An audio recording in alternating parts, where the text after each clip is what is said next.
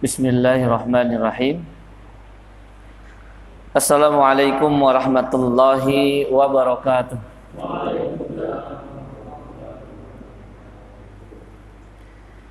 Alhamdulillahi rabbil alamin. Iyyahu na'budu wa iyyahu nasta'in al-qail fi kitabihil mubin. Laqad kana lakum fi Rasulillahi uswatun hasanah liman kana yarjullaha wal yawmal akhir wa dzakarallaha katsira. Wassalatu wassalamu ala habibina wa syafi'ina wa maulana Muhammadin. Al-qail fi hadithihi innama bu'istu mu'alliman muyassira.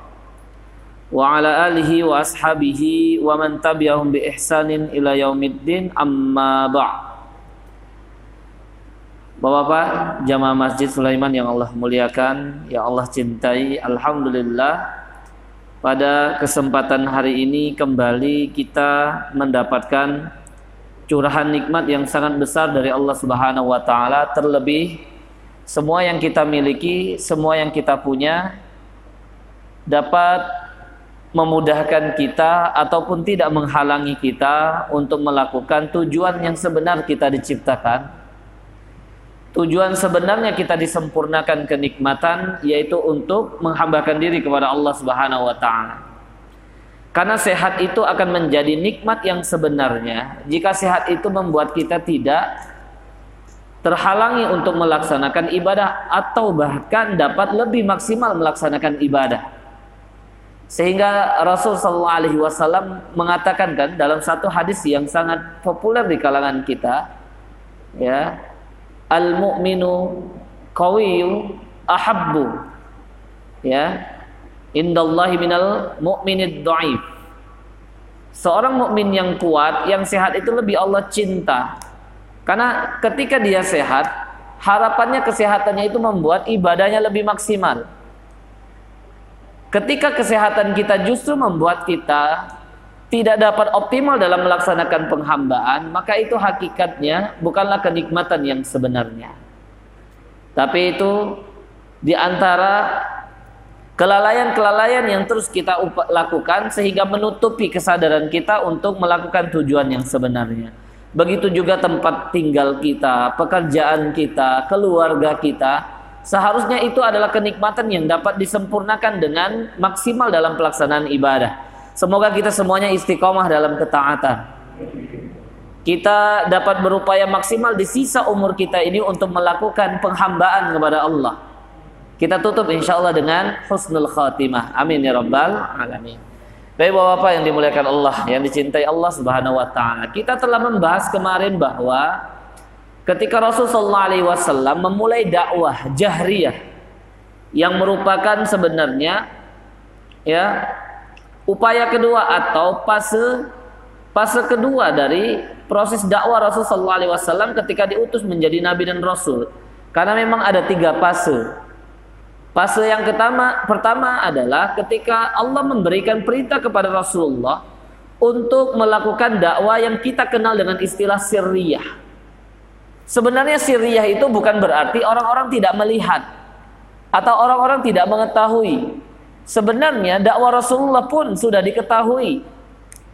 Sudah dilihat, hanya saja pergerakannya belum masif karena memang Bahkan sebelum Nabi Muhammad diutus menjadi nabi dan rasul, sudah banyak golongan yang dikenal dengan golongan Hanifiyah atau Hanif. Orang-orang yang baik, orang-orang yang dianggap ahli ibadah yang tidak menyembah berhala, selesai. Dan mereka berupaya menjadi orang-orang yang tidak pernah menzalimi orang lain, bahkan termasuk Nabi Muhammad sallallahu wasallam. Sebagaimana yang disampaikan kepada Khadijah, "Ai Khadijah, wahai Khadijah, Wallahi la a'budul asnam. Demi Allah aku tidak pernah menyembah berhala. Itu pernyataan dari Rasul sallallahu wasallam. Maka orang-orang yang awal didakwai oleh Rasulullah, dipastikan oleh Rasulullah keislamannya dan mudah menerima di fase dakwah sirriyah adalah orang-orang yang mempunyai pola pikir yang sama. Yang mempunyai keresahan yang sama, bahwasanya mereka tidak nyaman kalau Tuhan itu berhala gitu. Hanya saja yang mereka bingung adalah bagaimana cara menyembah Allah Subhanahu wa taala. Jadi hilang ajaran Ibrahim alaihissalam, ajaran Ismail itu hilang. Ya, maka kita kenal misalnya di antara sahabat yang dijamin masuk surga bahkan dari kakeknya tidak pernah menyembah berhala itu adalah Said bin Zaid. Said bin Zaid bin Amr nanti ya. Uh, Said bin Zaid bin Amr bin Naufal ini adalah seorang sahabat satu di antara sepuluh sahabat yang dijamin masuk surga dalam hadis riwayat Imam At-Tirmizi. Dan ini sahabat yang bahkan dia berkelana ya, mencari ke Romawi, mencari e, ke orang-orang ahli kitab Yahudi, Nasrani, bagaimana cara mereka menyembah Tuhannya Ibrahim. Gitu. Karena mereka khususnya Yahudi, mereka mengklaim bahwasanya mereka yang paling paham ajaran Ibrahim alaihissalam. Karena mereka mengikuti ya ajaran dari Nabi Yakub alaihissalam yang merupakan keturunan Nabi dari Nabi Ibrahim. Maka mereka dengan bangga mengatakan Bani Israel. Gitu ya. Jadi mereka ingin mengetahui, begitu juga dicari kebenarannya bagaimana gitu ya. Sehingga Said bin Zaid ini mendapatkan satu kesimpulan bahwasanya berhala itu adalah perkara yang sangat dibenci oleh nenek moyang mereka bernama Ibrahim alaihissalam. Tapi dia tidak menemukan jawaban Terus bagaimana cara menyembah Allah? Maka ketika Rasulullah SAW mendakwahinya, maka sangat mudah baginya menerima. Karena justru dakwahnya Rasulullah itu adalah jawaban. Dakwahnya Rasulullah itu adalah ya semacam jawaban baginya yang mencari-cari bagaimana metode sifat untuk beribadah kepada Allah Subhanahu wa taala. Maka dia dan istrinya Fatimah bintil Khattab adik kandung dari Umar bin Khattab masuk ke dalam agama Islam termasuk as-sabiqunal awalun begitu juga misalnya ya yang membuat orang-orang masuk Islam pada dakwah fase sirriyah itu adalah orang-orang yang menentang kezaliman sebenarnya. Kalau Abu Bakar kan jelas. Abu Bakar As-Siddiq pun tidak pernah menyembah berhala. Jadi ada kesamaan Pak. Makanya memang kita ini muslim itu seperti lebah. Gitu ya. Pada akhirnya akan berkumpul tapi berkumpulnya muslim itu seperti lebah. Ada manfaat yang akan diberikan kepada orang-orang yang ada sekitarnya. Bukan bahkan seperti lalat. Berkumpul justru hanya melahirkan penyakit dan ya wabah bagi orang-orang yang ada di sekitarnya nah salah satunya adalah orang yang masuk Islam karena dakwahnya Rasulullah Alaihi Wasallam yang menentang kezaliman konsep Islam itu sebenarnya adalah menentang kezaliman Ya, makanya sebenarnya dalam undang-undang dasar kita itu ada semacam pernyataan penjajahan di atas bumi harus dihapuskan. Karena tidak sesuai dengan pri kemanusiaan dan pri keadilan. Kemanusiaan itu dalam Islam dinamakan insaniyah. Keadilan itu adalah al-adalah. Nah, sikap adil dan insaniyah dalam Islam itu adalah roh agama Islam itu sendiri. Makanya yang bertentangan dengan Islam itu adalah kebenaran kezoliman. Kalau kita melihat kisah Zulkarnain ketika melakukan perjalanan ke ujung barat ya, sampai ke ujung barat maksudnya kata para ulama. Jadi tujuannya bukan hanya ujung barat, tapi setiap tempat perkampungan ada umat manusia yang dilewatinya, pasti didakwahinya dan ditegakkannya hukum Islam, tidak dirampas kekuasaannya, tidak. Tidak dirampas kekayaan sumber daya alamnya, tetap mereka tetap ya kalau yang jadi Pak RT tetap Pak RT gitu kan. Nggak usah khawatir kalau Islam datang mereka dipecat. Yang pasti kalau Islam datang mereka nggak bisa korupsi. Itu aja sebenarnya gitu ya. Yang jadi raja tetap jadi raja yang jadi kaya tetap kaya. Hanya saja Islam mengatur bahwa kayanya mereka itu ada kewajiban kekuasaan mereka itu ada standar yang harus dilaksanakan. Itu yang dilakukan oleh Zulkarnain. Sampai dia ke ujung barat. Kata para ulama ujung barat itu dikatakan ya paling ujung maghrib syams karena tidak ada lagi daratan setelahnya. Seakan-akan ketika melihat lautan itu menjadi tempat akhir berakhirnya matahari ketika tenggelam. Kalau negaranya sekarang itu dianggap adalah negara Maroko. Tempatnya Marrakesh. Kalau dalam ilmu tafsir Marrakesh itu adalah salah satu kota di Maroko. Makanya bahasa Arabnya Maroko itu adalah Maghrib. Ya, jadi Maghrib itu tempat tenggelam artinya ya paling ujung. Nah kita mengenal dalam kisah itu bagaimana Zulkarnain ini dikisahkan surat Al-Kahfi itu bahkan di awal-awal dakwah Rasul. Kenapa? Karena Rasul ingin disampaikan hakikat Islam ketika Rasul nanti akan menjadi nabi dan pemimpin. gitu. Yang akan dihapuskan itu bukan Abu Jahalnya, tapi kezoliman Abu Jahal. Gitu. Bukan Abu Lahabnya, tapi kecurangan Abu Lahab, gitu kira-kira. Jadi kalau Abu Lahab nggak curang, hartanya aman. Bahkan lebih tentram baginya. Yang penting mereka tidak boleh menzolimi orang lainnya.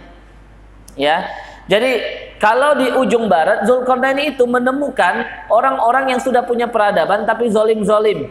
Makanya tawaran dari Allah dua. Imma antu azibah. Ya, pilihan pertama setelah didakwahi nolak diberikan azab. Hukuman, siksaan, akhirnya adalah kematian. Wa imma an fihim.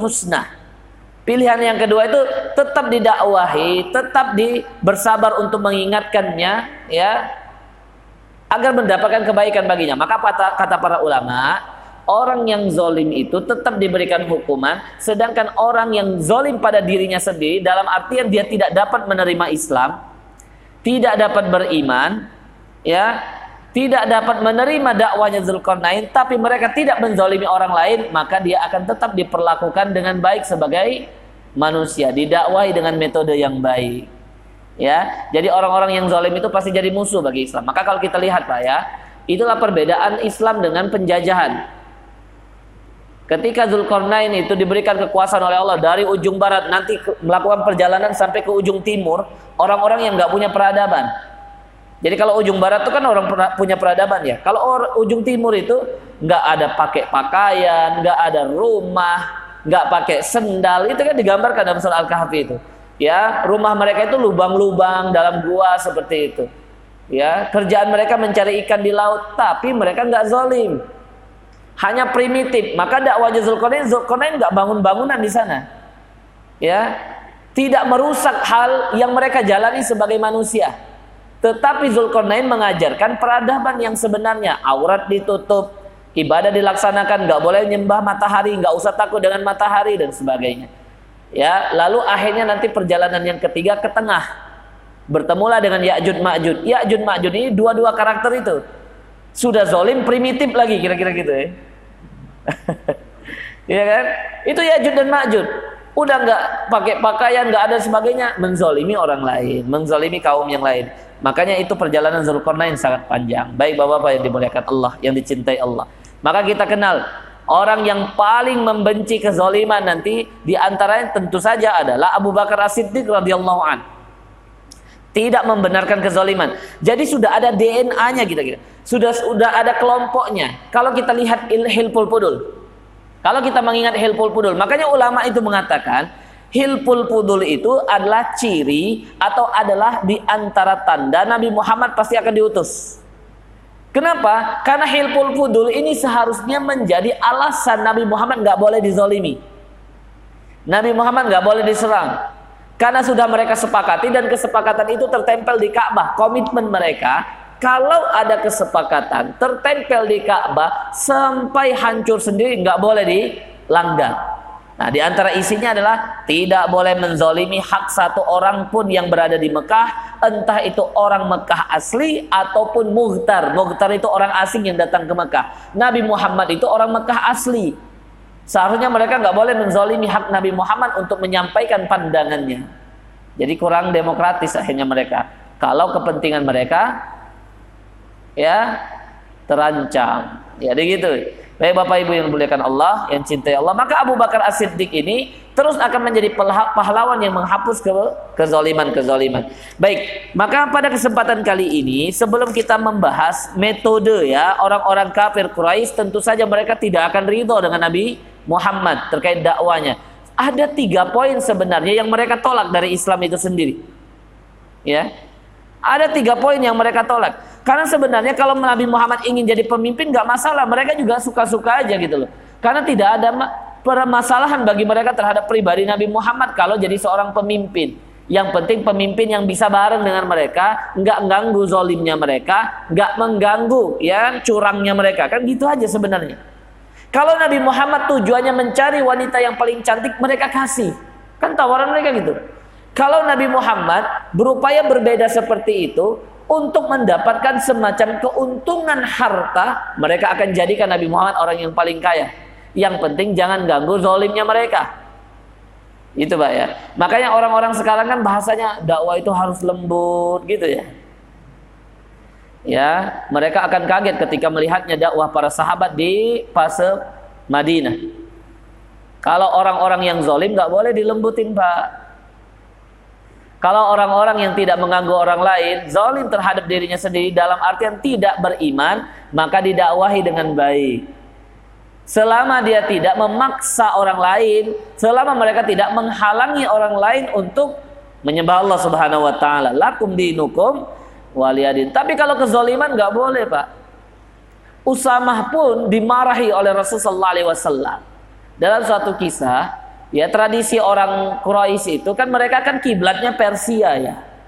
Makanya dari dakwah Rasulullah pertama kali jahriyah ini, tahun keempat kenabian Nabi Muhammad SAW, mereka itu sudah mengejek karena memang dari dulu ya jalur politiknya Nabi Muhammad itu sama seperti Abu Bakar, sama seperti Abdullah bin Jud'an, pamannya dari Abu Bakar As-Siddiq, ya sama dengan Zubair bin Abdul Muttalib, pamannya Rasulullah SAW, mereka lah yang merumuskan hilful pudul, ya untuk menghalangi Bani Makhzum salah satunya Al As bin Wa'il melakukan kezoliman kepada pedagang yang datang dari Yaman kan begitu? Ya jadi dari dulu memang mereka ini sudah sangat benci dengan kezoliman Pak. Walaupun bahkan dari Bani Muthalib sendiri ada yang tidak masuk ke dalam agama Islam. Bahkan pamannya Rasul sendiri Abu Talib tidak masuk ke dalam agama Islam tapi yang dibencinya adalah kezoliman gitu kira-kira ya jadi bapak-bapak yang dimuliakan Allah, yang dicintai Allah Subhanahu wa taala, maka yang harus kita pahami ketika Rasulullah alaihi wasallam hadir ke muka bumi itu, ya, yang paling berhadap-hadapan dengan Rasulullah adalah kezaliman. Selama mereka tidak zalim, lakum dinukum waliyadin. Tapi kezaliman mereka tidak dapat dimaafkan. Tidak dapat dimaafkan. Jadi memang kiblat politiknya orang Quraisy itu dari dulu adalah mengarah kepada Persia. Mengapa? Karena kesamaan pola pandang. Ya, menyembah selain Allah Subhanahu wa taala. Sedangkan Rasulullah melihat lebih dekat dengan Romawi kepada orang-orang ahli kitab. Makanya ketika Romawi itu kalah, Palestina direbut oleh Persia, pada tahun keempat kenabian Nabi Muhammad SAW, maka itu bagian dari cara orang-orang Quraisy memperolok-olok Nabi Muhammad dan para sahabatnya. Ya, nah nanti pada tahun ke-8, pada tahun ke-10, maaf, pada tahun ke-10 kenabian Nabi Muhammad sampai ke-11, uniknya Allah Subhanahu wa taala justru mengabarkan surat Ar-Rum. Bahwasanya Romawi kalah dulu. Satu saat nanti akan menang melawan Persia ya jaraknya hanya bid'ai sinin. Ya 3 sampai 9 tahun. Ternyata nanti setelah 2 tahun hijrah Rasulullah SAW dimenangkan Romawi dan Rasulullah SAW ya berbahagia karena dengan kemenangan Romawi Islam lebih dekat menuju kemenangan itu sendiri. Ya jadi memang mencari titik kesamaan itu Pak Baik Bapak Ibu yang dimuliakan Allah, insya Allah titik kesamaan dengan Romawi itu akan lebih ter, di, diperjelas ketika Rasulullah SAW mengirim para sahabat untuk hijrah ke Habasyah. Ya, baik. Jadi ada tiga hal yang ditolak oleh orang-orang Quraisy. Yang pertama, ya, yang ditolak oleh orang-orang Quraisy adalah al-wahdaniyah, konsep keesaan, ya, konsep tauhid. Jadi itu yang ditolak. Karena konsep tauhid itu mengembalikan segala urusan mutlak hanya kepada Allah Subhanahu wa taala. Ini yang mereka tolak. Mereka sebenarnya tidak mengingkari kalau yang menciptakan yang menciptakan bumi Allah, yang memberikan rezeki Allah. Salah satunya siapa? Nanti ada Islam seorang yang bernama Husain. Ya. Husain ini punya bapak ya atau Husain ini adalah seorang apanya seorang yang pandai dalam berdebat gitu. Makanya ketika para kaum Quraisy nanti sudah tidak punya alasan atau sudah kalah berkali-kali dalam mengal, dalam berupaya jahat kepada Rasulullah, mereka ngirim Husain ini. Ketika didebat oleh Rasulullah di antara konsep ketuhanan mereka, ya, siapa yang kamu sembah? Katanya, kami menyembah satu Tuhan di langit dan banyak Tuhan di bumi. Jadi mereka tidak tidak mengingkari kalau Allah itu adalah Tuhan. Hanya saja mereka mengatakan tidak ada konsep tauhid. Karena Allah Subhanahu wa taala itu punya anak. Siapa anaknya Allah menurut mereka? Malaikat dan anaknya Allah itu adalah perempuan. Lata Uza itu perempuan, Pak. Mereka sendiri nggak mau punya anak perempuan, kan Allah yang bantah itu. Mereka sendiri merasa dapat aib kalau punya anak perempuan, tapi mereka justru mengatakan Allah punya anak perempuan, kan jahat sekali ya. Mereka aja nggak mau, kayak kita sedekah, kita udah nggak mau barangnya dikasih ke orang lain. Padahal kan yang dapat kebaikan itu adalah lantana lulbir hatta tunfiqu mimma tuhibbun. Makanya Rasulullah itu nggak bisa dipuji dikit pakaiannya, dikasihkannya ke orang lain. Maka ada orang yang menurut Umar ini orang ini sebenarnya karakternya munafik, suka memanfaatkan kesempatan. Dia tahu Rasulullah itu ya kalau dipuji sesuatu yang ada pada dirinya pasti diberikan oleh Rasulullah. Maka Rasulullah itu dipuji terus oleh orang itu berkali-kali tentang pakaian Rasulullah. Akhirnya Rasulullah terus membuka bajunya dan dikasih, membuka bajunya dan dikasih. Akhirnya diingatkan oleh Umar. Ya, bukan berarti Rasulullah tidak mengetahui, tapi itulah karakter Rasulullah Alaihi Wasallam. Jadi ketika Allah sampaikan, misal dalam surat Luqman ayat 25, wala in sa'al tahum man khalaqas samawati wal ard. Kalau kalian bertanya kepada mereka yaitu orang-orang Quraisy, siapa yang menciptakan langit dan bumi? layakulun Allah. Mereka pasti akan menjawab Allah. Gitu. Ya.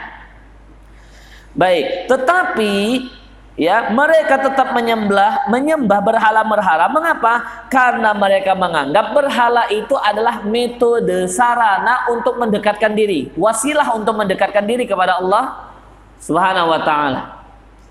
Jadi mereka menyembah berhala itu adalah cara agar dapat lebih cepat untuk berinteraksi dengan Allah. Jadi gitu maksudnya.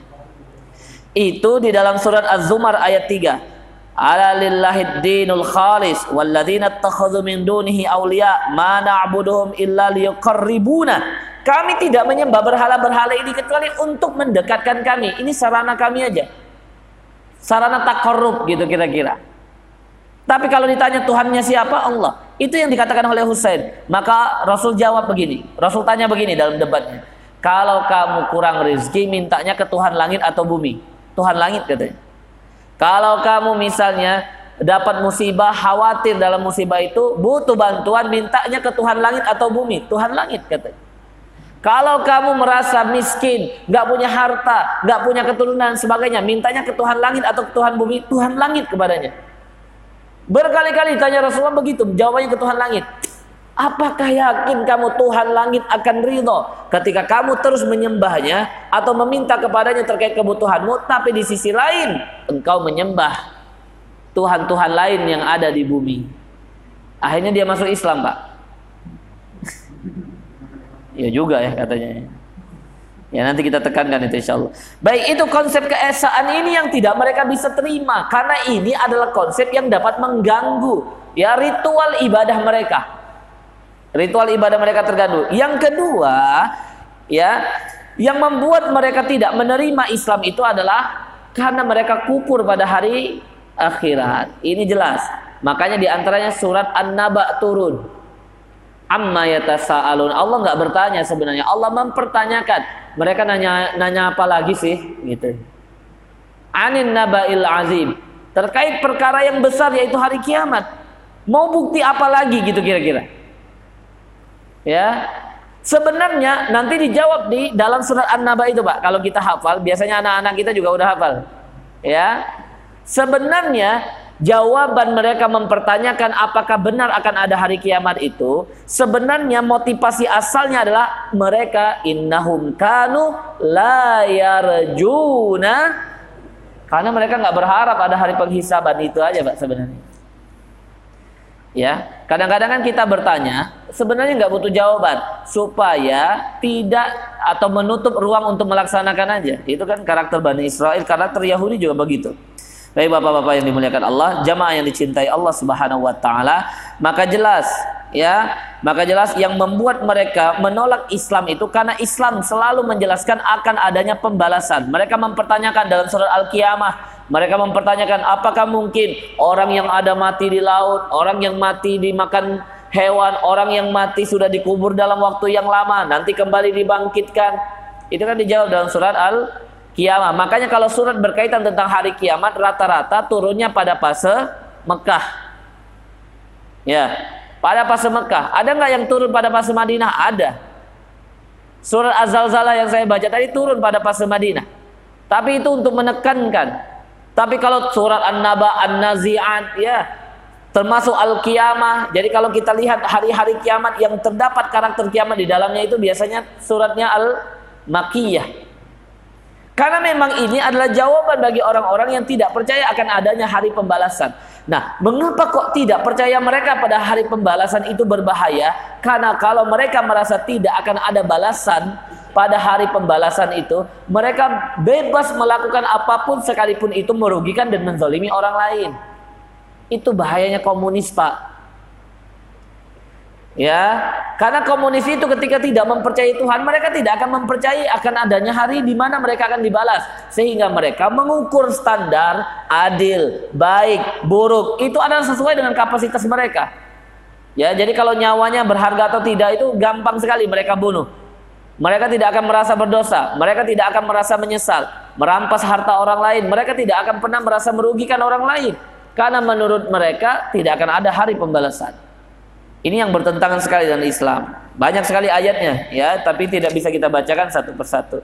Baik, yang selanjutnya yang ketiga, sampai kita masuk nanti apa saja yang akan dilakukan oleh orang-orang kafir karena mereka menolak dakwah Rasulullah SAW, maka ketiga yang ditolak adalah Rasul itu sendiri, utusan. Rasul sebagai utusan, bukan sebagai Muhammad. Kalau sebagai Muhammad mereka bangga. Mereka terus membanggakan Rasulullah. Abu Lahab itu sangat cinta kepada Rasul. Sampai dia bebaskan budaknya bernama Suwaibah atas kelahiran dari Nabi Muhammad SAW. Nah, walaupun nanti ada perbedaan pandangan, apakah benar Abu Lahab diringankan azabnya kan begitu? Setiap hari Senin ya. Ya, walaupun itu menjadi landasan nanti peringatan Maulid Nabi berbahagia dengan Maulid Nabi. Menurut saya bukan itu dalil kita bahagia dengan adanya Nabi Muhammad dilahirkan, Pak. Cukup surat Al-Kahfi ayat yang pertama, itu kita harusnya bersyukur. Kalau Nabi Muhammad itu pernah dihadirkan dan menjadi tuntunan bagi kita. Yang menjadi teladan bagi kita. Sehingga Allah ajarin kita, Alhamdulillah. Ya, ucapkan Alhamdulillah. Apa alasan kita mengucapkan Alhamdulillah? Alladzi anzala ala abdi. Al-Quran yang kita baca setiap hurufnya itu merupakan pahala yang besar. Sepuluh kebaikan setiap hurufnya belum lagi ditambah kalau terbata-bata, setiap terbata-bata itu juga dapat balasan. Belum lagi kalau Bapak baca surah Al-Ikhlas, pahalanya sama dengan membaca 10 juz Al-Quran. Itu tidak dapat hadir kalau tidak ada Nabi Muhammad yang dapat menerimanya. Hanya hati Nabi Muhammad yang dapat menerima Al-Quran. Jadi kalau ditanya yang mana yang lebih berjasa? Ya, Bung Karno atau Rasulullah? Bung Karno bisa bisa sholat itu kan adanya Rasul, Pak. Ya, walaupun kita nggak tahu alasan Bung Karno nikah banyak yang nggak tahu, ya. Baik bapak-bapak yang dimuliakan Allah Subhanahu Wa Taala yang dicintai Allah. Jadi ini yang harus kita pahami. Jadi walaupun tidak hanya pada waktu kelahirannya, tapi kita terus bersyukur. Bahkan bersalawat kepada Rasul pun adalah kebaikan bagi kita yang tidak didapatkan dan tidak dimiliki oleh umat yang lainnya. Nanti Pak, pada Rasul menyampaikan menceritakan kepada para sahabat di antara kejadian saat Isra dan Mi'raj. Jadi kan ketika Isra dan Mi'raj, ya Mi'raj itu sebenarnya semacam tingkatan atau tangga. Ya, plural. Kalau jamaknya itu Ma'arij. Makanya kita mengenal surat di dalam Al-Qur'an ada namanya surat Al ma'arij, tangga-tangga. Karena memang langit itu bertingkat-tingkat gitu kan ya.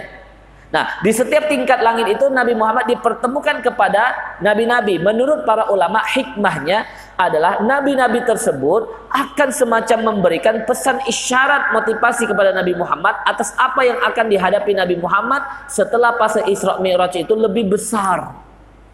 Karena Nabi Muhammad nanti akan hijrah, setelah hijrahnya itu perkaranya lebih besar.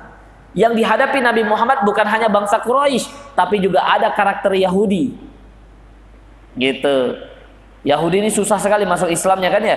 Makanya selama dakwah Rasulullah itu hanya 39 orang saja yang masuk Islam. Sulit sekali mereka masuk Islam. Nah, yang karakter kedua yang sangat menyulitkan bukan Yahudinya, bukan kafirnya, munafik. Munafik itu nyebelin lupa.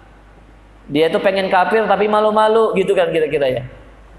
Ya, menyamakan semua agama gitu kan ya. Ya kalau semua agama sama ya udah masuk aja agama itu ya kan ya. Keluar aja dari Islam. Kalau kafir nggak usah malu-malu gitu Pak kira-kira. Ini mau kafir tapi malu-malu gitu kan ya. Wa idza laqul ladzina amanu qalu amanna wa idza khalau ila syayatinihim. Allah saja mengatakan syaitan-syaitan mereka. Inna ma'akum. Kami bareng kamu kok gitu ya. Ya, jadi Bapak nggak usah kaget kalau ada orang ngomongnya saya muslim, tapi menurut saya LGBT nggak apa-apa. Saya muslim, tapi menurut saya dakwah itu harus lembut. Ya, padahal al-amru bil ma'ruf itu harus diiringi dengan an-nahyu 'anil munkar. Ya, baik Bapak Ibu yang dimuliakan Allah, yang dicintai Allah Subhanahu wa taala. Nah, pada fase Isra dan Mi'raj itu Nabi Muhammad bertemu dengan Nabi Musa. Ya, pada langit keberapa, Pak? Ya kan gampang ya. Langit ke keenam Nabi Musa, ketujuh Nabi Ibrahim alaihi salam, kelima Nabi Nabi Harun. Ya. yang yang dua nabi itu cuma langit kedua, Pak. Ketemu dengan Nabi Yahya dan Nabi Isa. Nah, langit pertama ketemu dengan Nabi Adam. Ada hikmahnya semua. Ya, mengapa misalnya ketemu di langit kedua dengan Nabi Yahya dan Nabi Isa? Karena yang akan dihadapi Nabi Muhammad nanti orang-orang Yahudi yang berlaku buruk sebagaimana mereka berlaku kepada Nabi Yahya dan Nabi Isa alaihi wassalam. Ya. Baik. Baik Bapak-bapak yang dimuliakan Allah. Nabi Musa alaihissalam itu cemburu. Dalam artian bukan iri dengki, tidak. Tapi sedih gitu loh. Ada orang yang lebih muda, generasinya lebih muda, tapi yang masuk surganya lebih banyak dibandingkan kaumnya. Siapa? Ya Muhammad. Mengapa? Karena ibadah banyak sekali kemudahan yang Allah berikan kepada kita sebagai umat Rasulullah yang Allah nggak berikan kepada umat yang lain. Ya, salah satunya adalah berselawat kepada Rasulullah. Kalau Rasulullah nggak ada, Ya, gimana kita mendapatkan 10 10 lipat pahala dari Allah ketika berselawat? Atas nama siapa? Ya, nggak ada. Hanya mengatakan Allahumma sholli ala Muhammad, maka Allah akan berikan 10 kali lipat pahala. Nggak ada Allahumma sholli ala Musa. Allahumma sholli ala Muhammad lalu diikatkan kepada Nabi Ibrahim. Jadi bapak-bapak yang dimuliakan Allah, yang dicintai Allah. Kalau Nabi Muhammad tidak hadir, kalau Nabi Muhammad tidak ada, bagaimana selawat kita dapat dinilai? Ini orang muslim. Makanya kalau mau diukur, yang lebih berjasa siapa? Bung Karno atau Rasulullah? Bung Karno pun butuh selawat kepada Rasul Allah. Baik, Bapak-bapak yang dimuliakan Allah. Jadi jangan ragu kalau kita ya sangat berupaya mencintai Rasulullah SAW. Itu juga ditolak dari dulu. Mereka itu menolak Nabi Muhammad. Salah satunya ya salah satunya adalah Al Walid bin Mughirah. Walid bin Mughirah itu nggak bisa nolak Al-Quran. Saya berkali-kali katakan. Justru dia memuji-muji Al-Quran. Nggak bisa membantah Al-Quran. Nggak bisa bikin tandingan Al-Quran. Dia kan orang yang paling intelek, yang paling cerdas, yang paling cendikiawan. Tapi dia tidak bisa mengalahkan Al-Quran. Dia mengakui Al-Quran itu luar biasa. Pilihan katanya, bobot isinya, maknanya mendalam. Iya, nggak hanya sekedar puisi, tetapi mempunyai hukum yang menjadi penuntun. Tapi dia nggak mau kalau yang menerima wahyu itu Muhammad Sallallahu Alaihi Wasallam. Itu dalam surah Az-Zukhruf jelas pak. Mereka bilang gini pak ya. Waqalu mereka berkata laula nuzzila hadzal Qur'an ya ala rajulin minal qaryataini azim. Kenapa kalau memang Al-Qur'an itu benar dari Allah diturunkan kepada Rasul, kenapa tidak turun kepada salah satu dari laki-laki yang berada di dua tempat yang mulia, yaitu maksudnya Mekah dia Al-Walid bin Mughirah, lalu yang kedua Taib bernama ya Abu Mas'ud As-Saqafi. Sebenarnya Abu Mas'ud As-Saqafi diikut-ikutkannya itu supaya ini aja. Karena kan nggak mungkin kalau Abu Mas'ud yang diterima, yang dipilih, tetap yang terbaik di Mekah lah yang akan diterpilih. Berarti dia merasa dia lebih baik dibandingkan Rasulullah. Jadi Pak, rasa lebih baik itu menutupi kebaikan-kebaikan yang lainnya. Jadi hati-hati Pak ya. Di antara ujian kita ini Pak, kalau Bapak sudah lulus ke masjidnya rajin, Alhamdulillah. Sudah lulus, sholatnya berupaya rajin, Alhamdulillah sudah lulus, beramal solehnya terus aktif, alhamdulillah. Nanti ujian yang selanjutnya kadang-kadang terbersit dalam hatinya, dia merasa lebih baik dibandingkan orang lain yang meninggalkannya. Itu rusak pak semua amalan kita. Nauzubillah kan? Nanti muncul itu, apalagi nih hati-hati, ya, yang suka bersihin masjid nanti merasa lebih berkontribusi. Enggak Pak, sebenarnya saya mau sampaikan terjadi di masjid saya itu. Makanya DKM-nya curhat ke saya, ya malam ini mau datang ke rumah saya. ya mau curhat gitu, mau kasih ini dan sebagainya ya. Karena ketika ada di antara masyarakat itu dia merasa dia yang aktif ya, lebih aktif dibandingkan pengurus DKM-nya sehingga dia merasa lebih berkontribusi dan berjasa. Ini hati-hati Pak. Penyakit hati itu banyak. Setan itu luar biasa kan ya? Ya, setan itu membuat kita terpeleset itu seakan-akan kita nggak sadar gitu kan ya? Ya, jadi Pak kita fokus beribadah, fokus berbuat baik. Jangan takut kalau kita berbuat baik, ya tidak akan pernah kebaikan kita itu salah pahalanya diberikan kepada orang lain. Nggak pernah. Allah tidak akan pernah salah dalam memberikan penghargaan. Allah tidak akan pernah salah dalam melipat gandakan kebaikan. Cukuplah. Makanya ya kalau beribadah kepada Allah itu saya selalu sampaikan muraqabah. Cukup merasa yakin Allah mengawasi dan akan memberikan balasan. Karena Allah kalau perintahkan kita ibadah itu ya pelaksanaannya nggak boleh hanya sekedar melaksanakan Pak. Wa ma umiru illa liya'budullaha mukhlisin. Harus ikhlas. Dan di antara ikhlas itu adalah nggak perlu merasa lebih baik dari orang lain. Berat nggak Pak? Berat loh, hati-hati. Hati kita tuh hati-hati. Ya, kadang-kadang itu yang menjadi merusak ibadah kita. Nauzubillah ya. Jadi berat kan amal soleh itu? berat sekali. Baik. Jadi Al-Walid bin Mughirah itu merasa dia yang lebih berhak menjadi nabi dan rasul, Pak. Nah, baik, Bapak-bapak yang dimuliakan Allah, tiga hal ini sehingga membuat mereka tidak dapat menerima dakwah Rasul sallallahu alaihi wasallam. Baik. Bagaimana upaya mereka ketika kaum muslimin itu terus menyebar dan bertambah, Pak? Bayangkan ketika dakwah Syria tiga tahun itu sudah 50 orang yang masuk ke dalam agama Islam. Orangnya muda-muda, produktif-produktif, cerdas-cerdas, dari dulu terkenal baik, dari dulu terkenal hebat, tiba-tiba ketika berbeda dengan mereka jadi jelek semuanya. Inilah yang terjadi, Pak. Nabi Muhammad itu sampai akhir, kemarin kan ya kita jelaskan, sampai ketika akan menyampaikan dirinya seorang nabi dan rasul, dia tetap mendapatkan predikat orang terbaik dan terjujur. Ya kan? Ketika berdiri di Bukit Sopa di satu tempat yang memang bukit itu menjadi isyarat kalau yang disampaikan oleh orang berdiri di sana itu pasti hal yang penting. Rasul bilang gini, "Eh kalian, kalian kan kenal saya." Kira-kira begitu, Pak ya? Kalau seandainya di belakang saya ini saya sampaikan sudah berbaris pasukan musuh, full dengan senjata, lengkap dengan kudanya, akan menyerang dan membahayakan kita. Akuntum musaddiqiyya. Kalian percaya nggak pada saya? Ya percaya. Bayangkan Pak, sampai detik-detik akhir akan keluar ini nazir. Saya ini pemberi peringatan. Mereka pasti memuji Rasulullah, tapi ketika peringatan Rasulullah itu hadir dan itu mengancam kepentingan mereka, mereka langsung putar arus dan mengatakan, "Kadzabta, kamu pendusta banget ya." Kamu pembohong banget ya. Kamu tukang pemecah belah. Kamu radikal. Kamu teroris. Dari dulu Pak, kalau Al-Quran nggak diturunkan, takutnya kita lebih pro dengan Fir'aun dibandingkan Nabi Musa alaihissalam. Karena Fir'aun ya yang mengatakan Nabi Musa teroris, radikal, pemecah belah. Nabi Musa nggak pernah mengatakan Fir'aun itu pemecah. Ya, karena memang Allah perintahkan kepada Nabi Musa mendakwahi Fir'aun kaulan layyinah.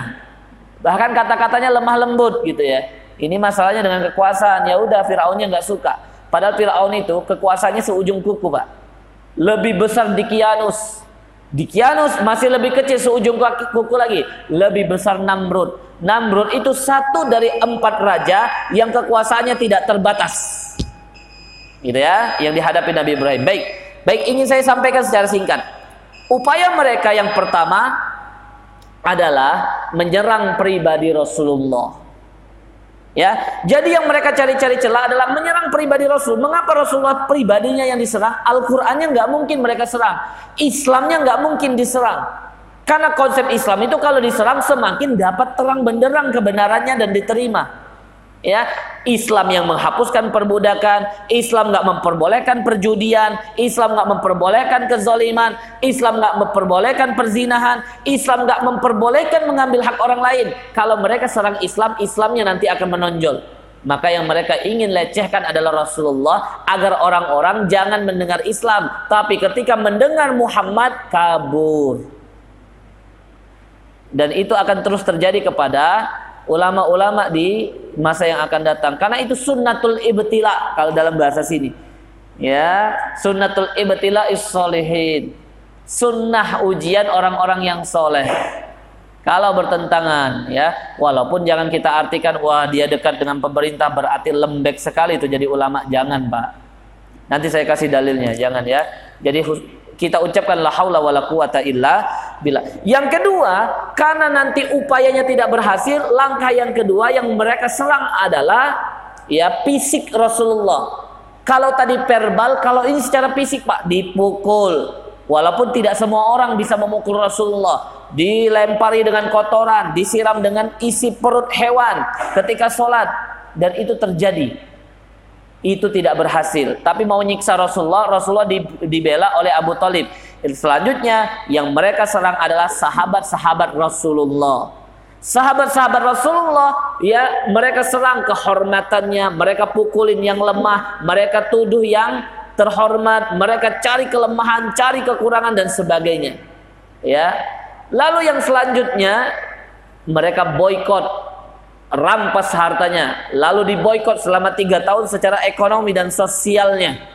Nggak pernah berhasil pak. Diboykot tiga tahun. Jadi kalau ada orang dagang, Abu Lahab datang tuh kepada pedagangnya.